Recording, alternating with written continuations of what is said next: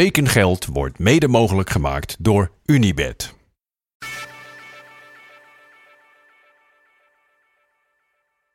Welkom bij een nieuwe tekengeld tijdmachine.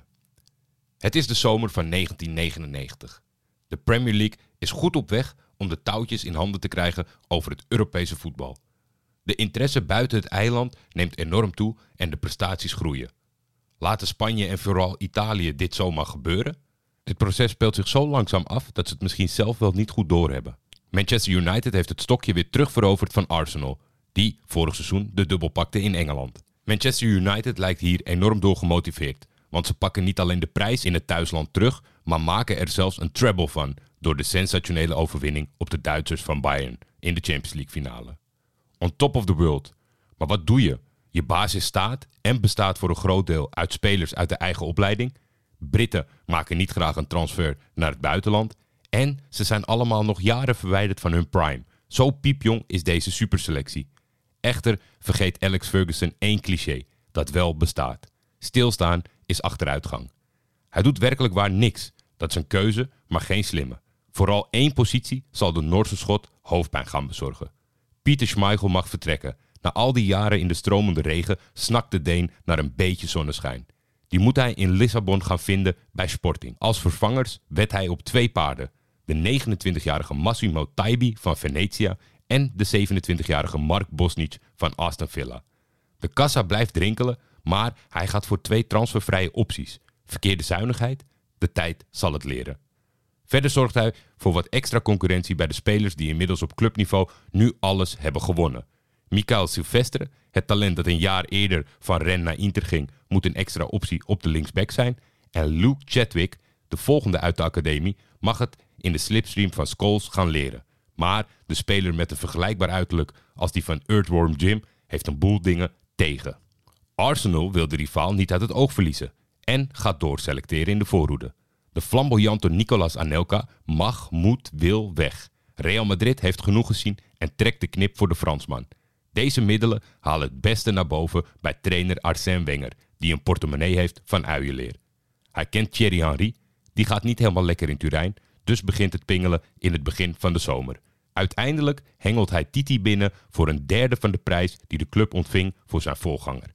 Mensen die niet dagelijks L'Equipe lezen of jeugdwedstrijden keken van AS Monaco, zullen zich wel op hun hoofd krabben of deze 21-jarige, wat tengere, slungerige spits of buitenspeler, wat is het nou eigenlijk, de gouden schoenen kunnen gaan vullen van Anelka. Naast een talent wil Wenger ook ervaring. Die onderhandelt hij eruit bij de Madrilenen. Voor een symbolisch bedrag maakt Davor Suker, de fantastische spits van de Kroaten, de omgekeerde reis. Schaduwspits Ömer Reza, de Turk met een Londense tongval, heeft in zijn verhuurperiode bij ADO te weinig laten zien en mag vertrekken van de trainer. Hij vertrekt naar West Ham. Verder heeft Arsène het wel gezien met Kaba Diawara, die terug mag naar Frankrijk en gaat spelen bij Marseille. En de jonge Portugees Luis Boamorte ziet hij het ook niet meer in zitten. Een bod van 7 ton van Southampton blijkt al voldoende. Het is een mager jaar voor de eigen jeugdopleiding. Alleen linksback Ashley Cole komt over naar het eerste. Maar of ze daar iets aan gaan hebben, dat moet nog maar blijken. Zeker omdat de goed uitziende Silvino transfervrij is overgekomen van Corinthians. En alsof dat nog niet genoeg was op die positie, halen ze ook nog Stefan Maltz voor anderhalf miljoen bij 1860 München op. Chelsea heeft toch wel het meest van alle Engelse ploegen een soort vreemde legioenen selecties ieder seizoen. Ook deze zomer gaan ze door met die stijl. Alsof het niet ludiek genoeg is, zitten zij midden in hun trainer-spelerjaren. Ruud Gullit wordt vervangen door Gianluca Vialli, maar die vindt het na afgelopen seizoen wel welletjes en gaat zich volledig richten op het trainerschap. Mooi en lastig dat je dan jezelf op het veld moet gaan vervangen. En omdat je zo fantastisch kon ballen, dan is het toch wel een pittige taak. Best wel bizar is het dat het blijkt dat het oordelen daarover niet eenvoudig is voor iemand die het zelf wel beheerst. Zo blijkt die zomer. Viali ziet het zitten en zet in op Chris Sutton, de lange spits die het goed doet bij Blackburn Rovers. Maar lijkt toch in alles een tegenpool van de nieuwbakken trainer. Heel misschien maak je onbewust een keuze waarbij jouw legacy op het veld een klein beetje beschermd wordt. We zullen het nooit weten. Gabriele Ambrosetti betalen de Londenaren net geen 5 miljoen voor aan Vicenza. Het zijn andere tijden, mensen. En de ervaren DJ Deschamps kost nog geen 2 miljoen. De overige twee aanvullingen zijn de 33-jarige centrale verdediger Jes Hurk van Fenerbahce... die waarschijnlijk het gat moet gaan dichten voor de voor 7 miljoen vertrokken Michael Dubry naar Leeds... In ieder geval geen langdurige oplossing. En Ajax-rechtsback Mario Melchiot maakt de zomer af. Chelsea is inmiddels zo Italiaans getint dat de spelers die doorbreken uit de jeugdopleiding namen hebben als Samuele Dallabona. David O'Leary en uiteraard ook zijn leerlingen maken indruk in Engeland. De sleeping giant Leeds is aan het ontwaken. Wat is het plafond van deze aantrekkelijke ploeg? Vragen wij onszelf af. Is het een verstandige keuze van Leeds om onze Jimmy Floyd te laten gaan naar Atletico? Oké, het is geld, maar geld lijkt niet zo'n groot probleem voor deze club. Darren Huckerby en Michael Bridges van respectievelijk Coventry City en Sunderland moeten Hasselbank doen vergeten. Een bijzonder ondankbare taak. En er blijven ook echt weinig doelpunten over. Harry Kewell heeft laten zien dat hij een doelpunt kan maken, maar je kan toch geen seizoen bouwen op een jonge linksbuiten? Ook Clyde Weinhardt mag vertrekken. Huddersfield betaalt een miljoentje voor de Surinaamse Nederlander. Oh ja, Willem Korsters komt terug van Vitesse, maar daarop rekenen voor de doelpunt is nog een paar tandjes gekker dan Kewell en zijn vrienden. Verder gaat O'Leary toch echt verder bouwen met de jongens die hij al heeft. Van de overige aanwinsten lijken Danny Mills en Eirik Bakken toch wel interessante opties te kunnen zijn. Ik ben fan van deze ploeg. Net als O'Leary is Harry Redknapp ook lekker aan het bouwen. Na zijn korte periodes bij Bournemouth en als assistent bij West Ham lijkt hij nou eindelijk aan een langdurig dienstverband te bouwen. Het is alweer zijn vijfde seizoen en hij kruipt steeds hoger op de ranglijst. Afgelopen seizoen, bijzonder knap, vijfde met de Hammers.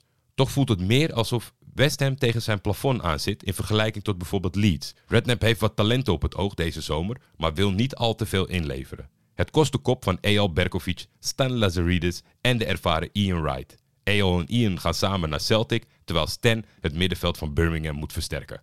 Met de vrijgekomen middelen gaat Harry betalen voor een 16-jarig talent. Dat zie je niet veel in deze tijd. Bijna 2 miljoen euro voor de kleine aanvaller Jermaine Defoe van Charlton Athletic, waarvan iedereen denkt dat de groeispurt er nog aan zit te komen. Iemand die al ver boven iedereen uitsteekt is de Costa Ricaanse spits Paulo Wanchope. 5,5 miljoen naar Derby County. En voor minder dan een miljoen nemen ze ook de Kroaat Igor Stimak over van diezelfde club. Ervaring komt er in de vorm van de 37-jarige Stuart Pierce, waarvan nog niet duidelijk is of hij de technische staf komt versterken of de selectie op het veld. Tot slot, zoals altijd bij West Ham, moet er ook naar de eigen jeugd worden gekeken. De sterspeler van dit moment, Frank Lampert, komt daar immers ook uit voort. Michael Carrick lijkt net een beetje beter dan de overige zeven spelers die die stap maken deze zomer. Tot slot, het Aston Villa van trainer John Gregory, die het toch keurig voor elkaar blijft boksen om Villa dicht tegen de top aan te houden. Ook vanwege de goede neus voor transfers. Zoals we net hoorden is hij zijn keeper gratis kwijtgeraakt.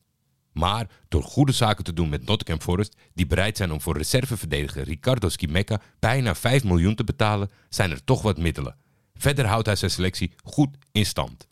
Met nog iets meer dan het ontvangen bedrag voor de reserveverdediger gaat hij vol voor twee spelers deze periode.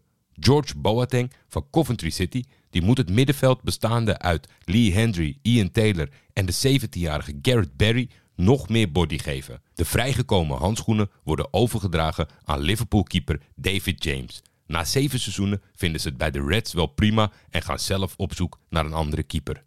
Tot slot is Gregory overtuigd geraakt van de Italiaanse spelmaker van Sheffield Wednesday.